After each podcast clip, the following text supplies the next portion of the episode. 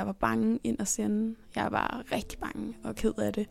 Og jeg gik med en, en stor frygt hele tiden, og især frygten for døden, og det her med, at mor skal dø, og, og sådan noget. Så, så når jeg kigger på mig selv, så ser jeg en, en glad lille pige, som bare var livsglad. Men jeg kan se den der sjæl indeni. Jeg, jeg ser sådan en lille pige for mig, som bare sidder i hjørne, fordi jeg, jeg var så inderligt øh, bange, for jeg forstod ikke helt, hvad der skete. Du lytter til spejlet. Tusind portrætter. En generation. Jeg hedder Katrine Holst.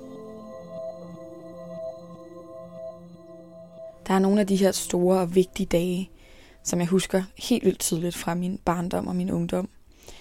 Jeg kan huske min første skoledag, præcis hvad jeg havde på og farven på min rygsæk. Jeg kan også huske min konfirmation, og hvordan jeg havde fået lov at få en lille hæl på og drysse simlig sten i håret.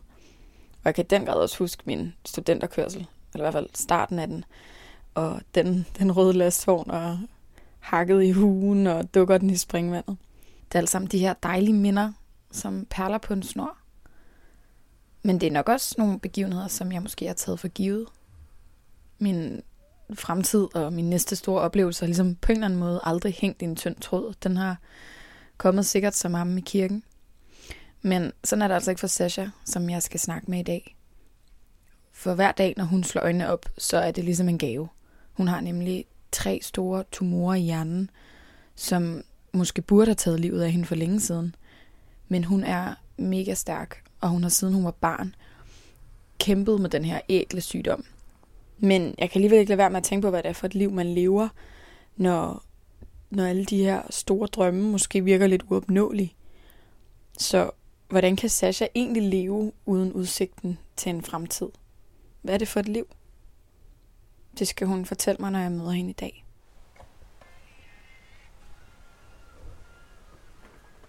Hej. Hej du! Velkommen til. Dags, tak skal du have. Tak fordi jeg måtte komme. Tak fordi du vil komme indenfor. Selvfølgelig. Sikkert et dejligt hus, jeg har havnet i her. Jo, tak. Det er din forældres hus, kan jeg næsten forstå. Det er min mors, ja. Ja, skønt. Vil det ikke... øh, Ja, jeg smider lige skoene, så kan det være, du lige giver en rundtur. Selvfølgelig. Fedt. Ja. Fedt, at du, øh, fedt, at du havde tid i dag, Sasha. Ja, og tak fordi du vil komme. Det har glædet mig helt vildt meget til at snakke med dig. Stue og øh, mit værelse herinde, som øh, Ja. der er. Det er der, du bor. Ja, det er det, jeg Skal vi gå ind og, skal vi gå ind og kigge? Du er velkommen. Tak. Ej, wow, okay, helt sikkert. Der er, sådan, der er godt med ting over det hele. Ja. hvad, hvad, hvad er det, vi kigger på? Det er mit værelse, øh, og der er lidt, ja, som du siger, over det hele. Der er meget nipsnaps, øh, som jeg godt kan lide. Især bamser i min seng.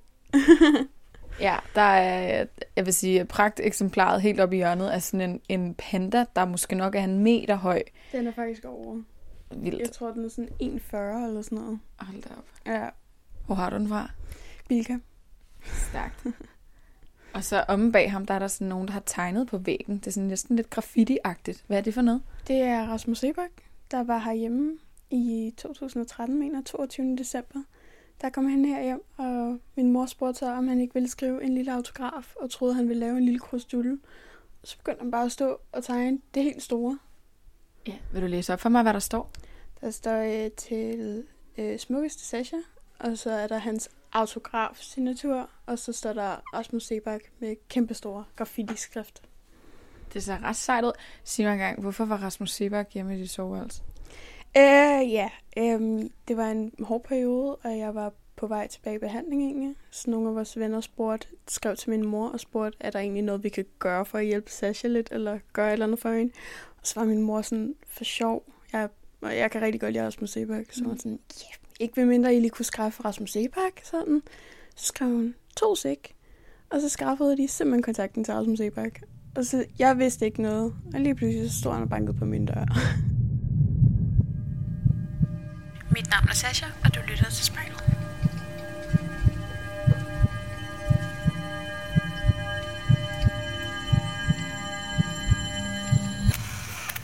Sasha, nu har vi jo indfundet os herinde på dit værelse. Øh, og jeg sidder på sengen sammen med, sammen med alle bamserne. Er der, er der en af dem, der sådan er særligt yndlingsagtig? Øh, ja, det er faktisk Alfia, som er lige ved siden af dig i den lysrøde kjole. Øh, Vil du ikke beskrive for mig, hvordan han, han hun ser ud? jo, hun er sådan en lille bitte øhm, lys bamse med en lysrød kjole på, og så har hun sådan en tryllestav i sin højre hånd og vinger. Så hun er sådan lidt en engel for mig, en beskyttelsesengel. Og jeg fik hende øh, faktisk, da jeg var mindre, inden jeg skulle ind og have min scanning, som havde vist, at jeg havde kræft faktisk. Og hvornår var det? Øh, har det været 2006 eller sådan noget. Jeg var, jeg var fire år gammel der. Øh, så det var i sommeren 2006, tror jeg. Deromkring. Fire år gammel. Ja, fordi altså, det, er jo, det er jo også det, vi skal snakke om i dag. Og du nævnte også lige, da vi, da vi talte om din øh, flotte Rasmus Sebak øh, autograf her om bag os. At vi skal snakke lidt om, om det liv, du har haft med den her sygdom. Så vil du ikke, vil du ikke fortælle mig bare sådan lige, lige kort om det? Jo, selvfølgelig. Øhm, jamen, det hele startede tilbage, da jeg var mindre, og jeg skulle ind og have den her treårsundersøgelse, og jeg dårligt kunne se den der store svane, der var i toppen af synstavnen. Min dejlige mor, hun insisterede på, at skulle finde ud af, hvad der var galt. Jeg kommer til en øjenlæge i Hillerød, som går ind og tjekker mine synsnæver, fordi han kunne godt se, der er ikke noget galt med mine øjne. Så han går ind og tager og kigger på mine synsnæver. Og der kunne han så se, at der var, helt noget, der var noget galt, og de var helt blege. Øhm, derefter bliver jeg sendt til videre på Hillerød. Jeg øh, får taget en MR-scanning, og øh, lige efter jeg var kørt op for opvågningen til den her MR-scanning, så øh, står der allerede tre læger øh, med min mor og far og siger, at, øh, at vi skulle videre på Rigshospitalet. Og inde på Rigshospitalet øh, får vi så at vide, at jeg har øh, tre rigtig store hjernetumorer, øh, der har infiltreret min hjerne. Og hele den sommer gik så med, at de skulle udelukke alt. Altså jeg var igennem alting, og jeg skulle tjekkes altså hele vejen igennem. Og der var de så sikre, at det var en hjernetumor, og jeg skulle i behandling med det samme. Og der startede mit sygdomsforløb ligesom. Der var jeg fem år gammel, og jeg kommer i kemobehandling. Øhm, og har så været igennem mange flere forskellige behandlingsforløb lige siden.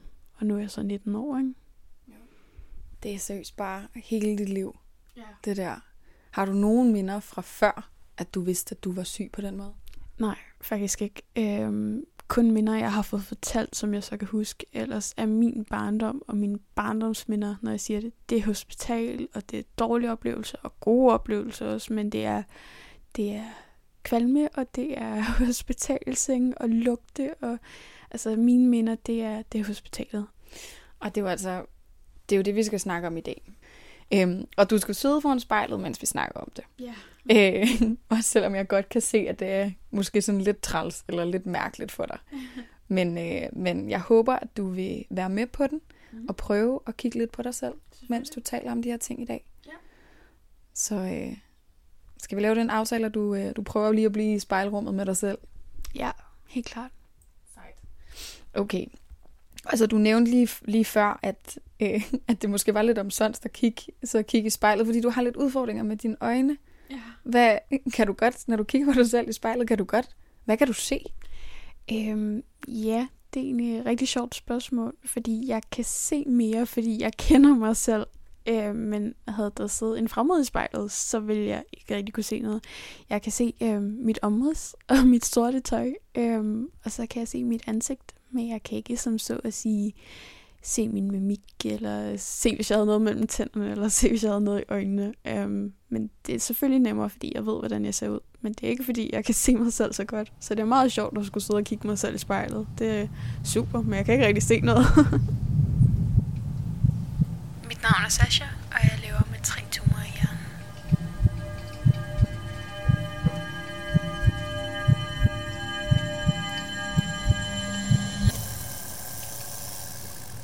Det første, jeg gerne vil snakke med dig om, det er nok netop det her med at vende tilbage til, til barndommen og starten på den her, det her sygdomsforløb. Kan du, når du kigger på dig selv i spejlet, eller tænker på dig selv, som du sidder inde i spejlet, kan du da, da se, øh, se den her femårige pige, som har fået den her diagnose?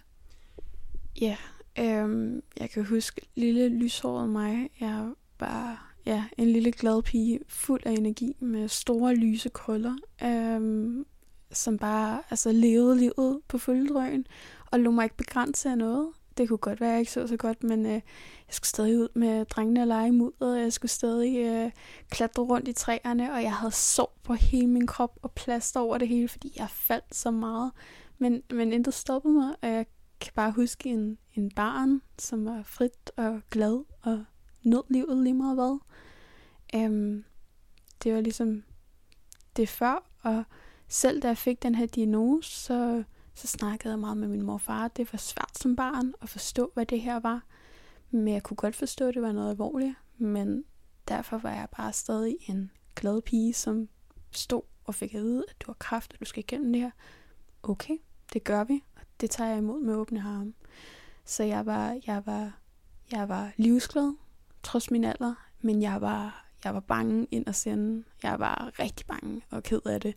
Og jeg gik med en, en stor frygt hele tiden, og især frygten for døden, og det her med, at mor skal dø, og, og sådan noget. Så, så når jeg kigger på mig selv, så ser jeg en, en glad lille pige, som bare var livsglad, men jeg kan se den der sjæl indeni, som var, som var bange, og jeg, jeg ser sådan en lille pige for mig, som bare sidder i hjørne, fordi jeg, jeg var så inderligt øh, bange, for jeg forstod ikke helt, hvad der skete. Så jeg havde ligesom to sider, da jeg var mindre, ikke? Ja. Den her, den her angst for at dø, det er, det er tung kost for en, for en lille pige. Jeg tror, der er meget få øh, 4, 5, 6 årige, der tænker over døden. Hvordan, hvordan kom det til udtryk for dig? Hvordan tænkte du over det her med at dø? Jamen, i starten, så var det meget svært for mig. Altså, det, det, var, det var farligt. Det var, det var sådan noget med, at mens min mor stod og hang, eller skulle hænge tøj op til tørre, eller sådan noget, gik jeg ud. Mor, når jeg dør, så vil jeg godt have, det er en hvid kiste med røde roser, og du ved, min mor stod, ja, hvid kiste og røde roser, og, og den her sang, det var sådan noget, altså vi snakkede om det, for at det ikke blev farligt. Øhm, men, men det der med at være så lille og skulle håndtere noget, der er så stort, som voksne mennesker dårligt kan håndtere, det var svært. Øhm, men, men vi snakkede om det herhjemme, så det var, det var, det var bare, det var hverdagen herhjemme. Altså ja, det var, det var det, vi forberedte os på, at når jeg bliver nok ikke seks år, men, men, men vi får alt ud af livet lige nu. Så det, det blev bare sådan en hverdagsting at snakke om herhjemme på en eller anden måde. Altså altså, hvis, hvis jeg havde haft et femårigt barn, der var kommet ud til mig, mens jeg stod og foldede sokkerne og sagde, øh, mor, øh, min kiste, den skal være øh, i mahoni, og jeg skal bede om hvide liljer. Jeg tror simpelthen ikke, jeg havde kunne øh, holde samling på mig selv. Hvad, hvad gjorde din mor? Min mor, hun var der 110% for mig, men efter jeg er blevet ældre, så ved jeg godt, at om aftenen, når jeg var gået i seng, så var det der, hun sad og kunne kunne græde og, og være for sig selv. Øhm, det gør jo ondt, efter jeg er blevet større, og ligesom vide, at jeg, jeg kunne ikke være der for hende gang. Øhm, hun, hun var der bare 110 procent for mig, og det har hun været lige siden. Men øh, hun har, hele min familie i det hele taget, har bare haft det rigtig svært der. Vi alle var bare i en, altså hvor hele vores verden blev bare vendt helt på hovedet, og det var jo bare en helt anden tilgang men det var også et tidspunkt, hvor man endte med at værdsætte ting. Og allerede fra den gang, jeg blev syg, så har vores øh, liv været muligheder frem for begrænsninger. Det har været en pointtavle hver dag. At hey, vi stod op, vi kunne sige godmorgen og give kram og kysse hinanden. Fint, så var vi forud på et point. Så fik jeg det dårligt. Ah, så fik den anden side lige et point. Men så, så lavede vi noget hygge ind i stuen, og så film to point, 2-1, bum. Så hver gang vi gik i seng, så var det den pointtavle, den skulle vi have til at gå op. Øhm, så det var det her med, at vi, vi nåede lige pludselig små ting, som jeg kunne stå og lave mad sammen. Det kunne godt være, at jeg ikke kunne være med til at lave mad. Knive og lille mig og mit syn. Ikke lige det bedste. men, men jeg kunne sidde på køkkenbordet og være med min mor. Øhm, så allerede for den alder, der værdsatte både jeg og min familie det her med små ting i livet. Det er, det er store glæder. Det er guldkorn. Og det er det her med at i stedet for at lade de dårlige ting i livet fylde det hele, så lader vi de gode ting blive pustet op til kæmpe store ballonger, så det er det, der fylder hver et sekund, og det er det, vi har af minder, ikke?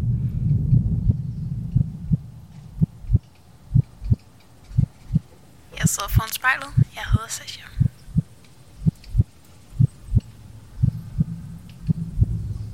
selvom man er rigtig god til at få pustet kæmpe liv i små ting, kunne man så godt hende, den lille pige der, glæder hun sig til sin fødselsdag, eller glæder hun sig til jul, eller glæder hun sig til noget? Når man siger jul, ja, og stadig, ej, jeg er en julepige, så det vil noget af, af alt. Jeg er den største julesjæl. Jeg nyder det, og, og fødselsdag, det, det er alt et mærkepunkt for mig, fordi, wow, jeg har klaret et år mere. Øhm, det var stort for mig at blive 18 her øh, sidste år, og det blev virkelig fejret. Øh, at gå fra at ikke tro, man ville blive 6 år, til at stå og blive 18 år, det var en stor mærkedag. Og hvert år, der... Øh, men det siger lidt hver dag, wow, jeg klarede en dag mere. Men fødselsdag, wow, jeg blev 19, i år bliver jeg 20. Wow, det er stort for mig. Men, øh, Så du, du turde godt glæde dig til ting, selvom at øh, udsigterne var lidt dystre? Ja, fordi det var faktisk den måde, ej, jeg kæmper frem til, at jeg skal opleve julen. Hey, ej, jeg kæmper frem til, at jeg skal opleve min fødselsdag. Og det var sådan noget, når jeg lå inde på, på afdelingen og var rigtig dårlig og fik kemo og lå i hospitalsengen, og egentlig bare lå med en brækpose i den ene hånd, og bare lå, mor, hvor, hvorfor det her med mig, og sådan noget. Så, så var min mor, okay, så, så lad os sige, hvordan vil du gerne holde din fødselsdag i år? Så lå vi og planlagde det, så jeg havde noget at se frem til, noget simpelthen at kæmpe mig frem til, så når jeg, åh, jeg lå bare så dårlig, men hey, jeg skal blive, jeg skal have det godt igen, så jeg kan have det godt til min fødselsdag. Så det blev faktisk nogle ting, vi, vi satte som, som mål i livet, og for at gøre nogle gode ting for mig. Det er et minde, jeg altid kan hive frem de dage, når jeg ligger dårlig. Så hiver jeg sådan nogle minder frem og tænker, gud, en skøn dag det var, og tænk, at jeg klarede dertil. Øhm, så, så det kan jeg stadig se. Det er især også de dage, hvor jeg ligger, og jeg har også de dårlige dage. Jeg har også de dage, hvor jeg ligger gravet ned under min egen dyne her, eller i, i min bjerg af bamser, og bare græder og gemmer mig væk, og bare tænker, hvorfor, hvorfor? Jeg gider ingenting. Jeg vil bare flygte fra alt. Og jeg har det virkelig sådan nogle gange, at jeg bare, jeg løber og løber, og prøver at flygte fra min egen krop. Men det kan man bare ikke. Men der prøver jeg så at tage imod med åbne arme og se de gode gamle ting. Og hey, der er også nye ting på vej. Der er nye spændende ting. Og så er livet lige pludselig bare meget mere tåligt, når man ser det på den måde. Ja. Det var virkelig dejligt. Det lyder, øh, ja, det lyder som om, du er sindssygt god til at fejre de der mærkedage, hvad end det er yndlingsjuleaften, eller om det er fødselsdag, eller hvad det er. Er det, altså, er det ikke bare lidt bittersødt med sådan nogle mærkedage? Kan det ikke være sindssygt hårdt at se frem imod noget, uden at vide, om det kommer, eller uden at vide, om du er i stand til at nyde det på, på dagen? At der er sådan en, ligger der ikke en hårdhed i det? Gør du det ikke lidt svært for dig selv? Mm, nej. Øhm, faktisk ikke. Fordi selvfølgelig har jeg det jo godt. Det siger jeg til mig selv. Selvfølgelig bliver det godt. Øhm, og, og igen, det er, jo, det er jo de dage, jeg ligger og har det dårligt, det er jo det, jeg ser frem til. Og det er dem, jeg husker frem. Det er min guldkorn i livet. Det er de der store balloner, jeg puster op. Jeg kan godt forstå, hvad du mener, det her med, tænk nu, hvis jeg havde det dårligt på dagen, eller øhm, tænk nu, hvis der skete et eller andet, så det blev aflyst, eller tænk nu, hvis jeg kom på hospitalet den dag, eller fik et epileptisk anfald, eller et eller andet. Men der er så mange ting, som jeg simpelthen ikke kan forberede mig på. Så det vælger jeg bare at sige, det tager vi, som det kommer. Og, og sker der et eller andet, så får vi stadig det bedste ud af det. Så jeg prøver bare at, at fokusere på, at det bare, det skal nok blive en god dag. Jeg ser muligheder frem for begrænsninger. Jeg hedder Sasha.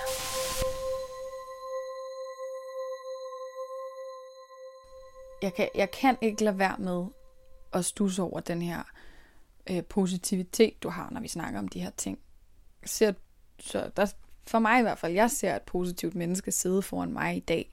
Ser du også et positivt menneske, når du kigger på dig selv ind i spejlet? Meget. Øhm, jeg har fået det næsten med modermælken, vil jeg sige. Min mor, hun er, hun er min stjerne i livet. Og jeg havde ikke siddet her i dag, hvis det ikke var for hende. Og især ikke med den tilgang, jeg har. Øhm, hun har altid valgt at sige til mig, hey, vi ser muligheder frem for begrænsninger. Og det gør jeg. Øhm, jeg ser glæde i, i de små ting, og det er igen takket være min mor. Hvis det har været, da jeg var mindre og var i isolation. Hey mor, jeg kan ikke komme med til fast lavn over skolen som alle de andre. mor dagen før øh, go fix drøner op i Kvickly og vil købe den sidste, du ved, halvslidte faste lavnstønde, og, og når der er ikke flere faste lavnsboller, men det bærer min mor da søvn, det kan man, når man bliver gammel. Hun var op hele natten og har klaret der faste lavnsboller og ringer rundt til venner og familie og siger, øh, i morgen faste lavn hjemme hos os. Øhm, og så kommer min morfar øh, klædt ud som min mormor, altså med, med hendes tøj på og grebfrugter i BH'en og andre. Altså, hele min familie og vennekreds har jo også bare bakket op om det. Men, men min mors positive tilgang, den har jo smittet af på mig. Øhm, og, og, og valgt, eller gjort, at jeg, jeg kan nyde de her dage, øhm, og, og opleve ting, og simpelthen have den her positivitet. Øhm, men, men men ja, altså det, det er via min mor, at jeg kan sidde og se mig selv så positiv, som jeg er. Øhm, og igen, inderst inden, så har jeg jo også de hårde dage. Jeg er også en facade udenpå, som bare udstråler, hey, alt er fantastisk. Det ved jeg jo godt, alt ikke altid er. Øhm, men, men det er bare ikke de dårlige ting, jeg vil lade fylde i mit liv. Jeg kan godt se, de er der, og jeg kan godt se dem inde i mig selv. Jeg vil bare ikke have, det er dem, der, der skal få lov til at vinde. Det skal de gode ting. Og det er takket af min mor, jeg kan sidde sådan. Den her facade, du snakker om, hvornår, hvornår kollapser den? Øh, det gør den ret ofte. Øh, det gør den, når alle mennesker er gået, og jeg sidder alene, eller jeg sidder med min mor, så kollapser den. Den kollapser, når, når livet lige bliver lidt for hårdt, eller når det her bjerg af, af hårde ting bare ligesom lige pludselig vælter. Øhm, får jeg en dårlig nyhed på hospitalet, eller øhm, nogle gange kan det simpelthen være så små ting i mit liv, som hvis jeg bare er stresset nok oveni, så øh, går små ting galt, så kan det hele bare lige pludselig kollapse hen over mig. Øhm, men hvordan reagerer du på det? Jeg græder. øhm, jeg, jeg kan enten blive rigtig ked af det, og igen tage det her med, at okay, lægge mig ind under dynen, og bare skubbe hele verden væk fra mig. Og ellers så skal jeg træne. Jeg skal ud, jeg skal løbe, jeg skal løfte nogle vægte. Øh, hvis jeg har fået en dårlig nyhed på hospitalet, for eksempel det første, når jeg kommer hjem, så min mor sådan, gå ud og løbe en tur. Ja, yeah, det gør jeg lige. Og så kommer jeg tilbage som et andet menneske, og så kan vi sætte os ned og snakke. Øhm, allerede for da jeg var helt lille. Så det, det tænkte jeg ikke over, da jeg var lille. Men når jeg havde fået kemo og var rigtig dårlig, så det første, jeg gjorde, da jeg kom hjem, det var at lige ud og hoppe på trampolinen. Det kunne godt være, at det kun var to hop, jeg kunne. Men så havde jeg gjort det. Og jeg skulle da øh, en kemo, jeg fik, den ødelagde lidt mine ben. Men jeg skulle da stadig hjem og holde min mor i hånden og gå en tur rundt om huset, for jeg skulle ikke sidde i kørestol. Um, så så jeg, jeg håndterer alt det her ved at træne, men det hele kollapser også lige pludselig, når jeg, når jeg tillader mig selv at åbne op. Og efter jeg er blevet ældre, så tillader jeg det noget mere, men det tillader jeg, når jeg træner og bruger det som min motivation, så jeg kan få det ud af mit system, eller ja, hvad kan man sige, jeg arbejder med tingene, når jeg faktisk træner, uden jeg egentlig tænker over det. Så jeg er blevet bedre til at håndtere det på det punkt. Kan du godt ligesom lukke, lukke folk ind bag den der facade? En ting er din mor, men også, også måske lige næste led, venner, andre vigtige personer i dit liv. Er der, er der plads til dem inde på den anden side, eller er det lidt ensomt? Øhm, min familie er, er inde på den side. Ja, min mor og morfar, min far, min mor og bonusfar og bror. Øhm, jeg har et par få venner, der også er inde, men det er svært at lukke folk ind på den side, fordi det er jo der, man er svagest. Øhm, og det er der, de ser ens sande jeg. Og det har også bare været øh, svært at få venner nogle gange, fordi når man er jo bare den syge, og mange gange så har folk været meget dømmende, og, og været sådan, hun er syg, hun kan ikke de her ting, i stedet for at spørge, om jeg kan de ting. Så jeg har heldigvis nogle meget, meget, meget tætte veninder og venner, og de er inde på den side, og de er min støttepæle på den side. Fordi det er dem, der altså bare står med åbne arme til en krammer. Det betyder meget. Det forstår jeg godt. Dem, der tror jeg, hvis vi alle sammen har brug for. Og særligt, når, når livet giver en lidt flere tæsk, end hvad der måske sådan lige er, er normalt. Jeg ser mig selv i spejlet. Mit navn er Sasha.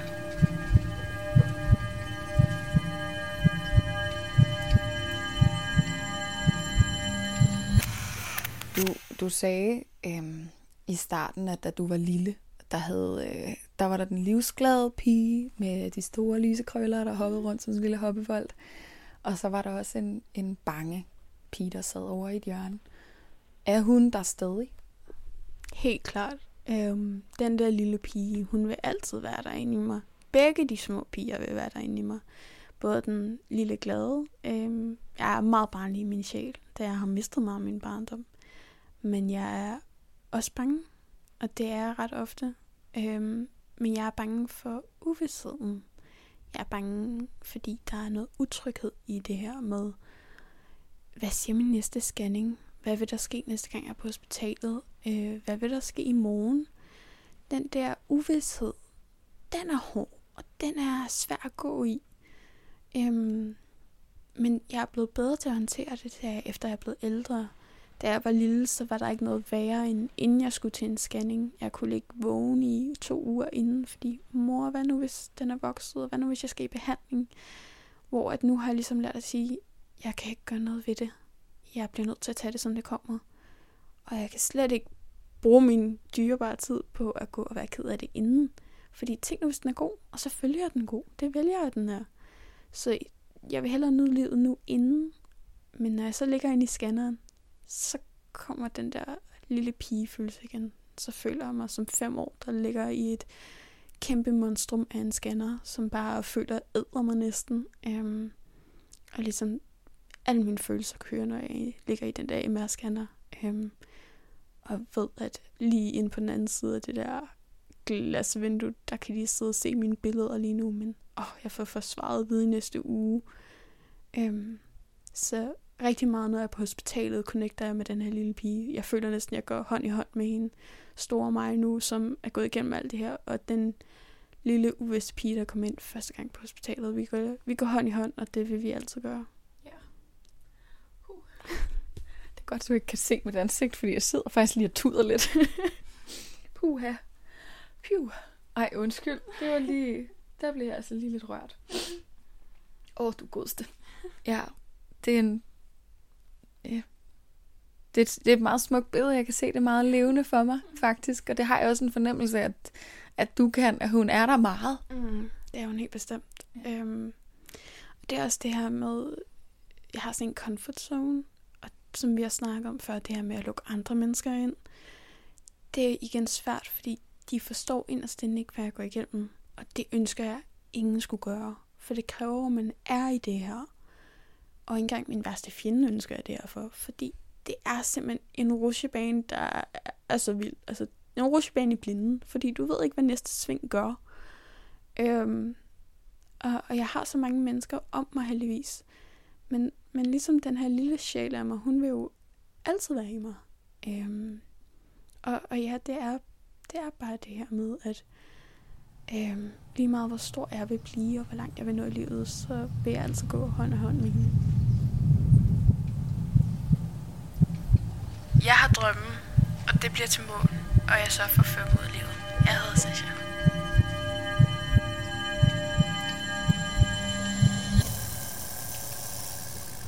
Så du har den her positivitet i dig. Den er simpelthen lysende klar og meget, meget tydelig. Og er en sokker for mærkedag, det kan jeg sagtens mærke. Så, så selvom at der er uvidshed, som du ikke kan kontrollere, har du så stadigvæk, tør du stadigvæk godt drømme om fremtiden nu her? Jeg, som jeg altid siger, jeg har ikke bare drømme. Jeg har mål. Og jeg har mål, jeg når i mit liv. Og ja, jeg drømmer om min fremtid. Og det er drømme, jeg nok skal få ud i livet. Um, jeg har en drøm om at få en god uddannelse og få en god fremtid. Men jeg har også den drøm om, at vi har nogle kloge hoveder, der sidder og forsker, så de nok skal finde en kur en dag. Og hvis jeg skal igennem nogle behandlinger igen, så skal jeg nok klare dem. Og så tager jeg de bump med på vejen. Så jeg har ikke bare drømme, jeg har mål. Øhm, men, men, men det er jo også en del af drømmene. Men, men det er om at få en god fremtid. Og, og ja, blive ved med at holde ved, som man gør nu. Få en god uddannelse. Og, og ja. Er det de her drømmemål? Er det dem, der holder dig i live? Helt klart. Det er det. Øhm, det er Øhm, drømmen om at blive student. Det var det, der klarede... Altså, jeg havde ikke troet, jeg kunne klare en folkeskole, for eksempel. Det klarede jeg. Jeg har altid haft den her drøm om at stå, og min mor skulle give mig den her hue på hovedet. Og at opleve det her i sommer, jeg, jeg, jeg kunne hoppe op til skyerne, tror jeg. jeg. Jeg var så overstolt af mig selv, og det her med, gud, jeg nåede min drøm. Der var en drøm om, dengang jeg havde dårlige ben, at skulle, jeg skulle bestige Eiffeltårnet. Jeg har altid haft noget for Paris. Jeg skulle, jeg skulle tage trapperne op, og du ved, folk var sådan, ja, du ved godt, der er en elevator, ikke? Du kan jo ikke med dine kimoben. Og alligevel så tog vi til Paris, og jeg var der, mor, vi tager trapperne op. Det gør vi da, skat. Det, det gør vi da. Og det kan godt være, at jeg blev overhældt af nogle pensionister nogle gange, og at, øh, der var nogle stole på vej op ad trapperne. Og dem, dem benyttede jeg mig også af. Men det var en drøm om at gå op af Eiffeltårnet på trapperne. Og det gør jeg. Og det var en drøm at få hugen på. Og den fik jeg. Og det er en drøm at blive personlig træner og fysioterapeut. Og det skal jeg nok blive. Jeg, jeg tror på dig. Jeg er ikke et sekund i tvivl. altså, du er, du er den for sygeste fighter. Hvad, hvad er det, du kæmper for? Livet. Og livsglæde. Jeg kæmper for at få de gode ting frem. Og jeg kæmper for, for hver en dag skal være en positiv dag. Så jeg kæmper for, at kraften ikke skal have lov til at vinde. Det er mig, der vinder. Og det er mig, der bestemmer. Det er det, jeg kæmper for. Hvis du eller en, du kender, skal være med i spejlet, så skriv til os på Instagram.